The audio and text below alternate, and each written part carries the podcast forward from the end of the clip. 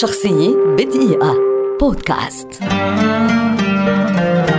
مورغان فريمان ممثل ومخرج أمريكي شهير ولد عام 1937 ويعد واحدا من أبرز ممثلي عصره خاصة حين يتعلق الأمر بالأدوار الثانية وهو صوت هوليوود الخالد إذ يعتبر من أشهر الرواة أصحاب الأصوات الفاردة في تاريخ السينما.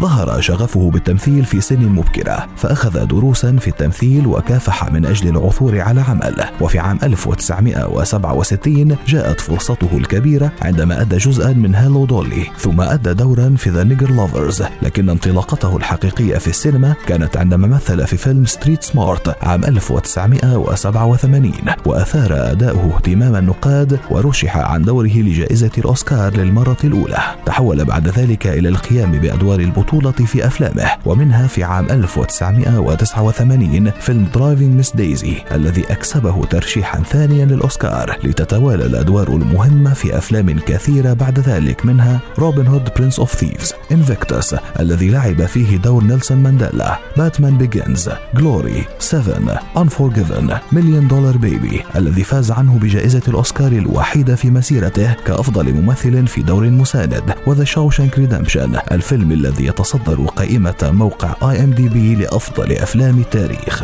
مورغان فريمان ممثل عظيم وحالة نادرة في تاريخ السينما العالمية. إذ من الصعب أن تجد عاشقا للسينما لا يحب هذا الرجل. صاحب الحضور الآسر والصوت الذي يسكن عميقا في نفس كل من يسمعه. إنه ملك الأدوار الثانية التي تتفوق بوجوده على الأدوار الأولى في الكثير من الأحيان.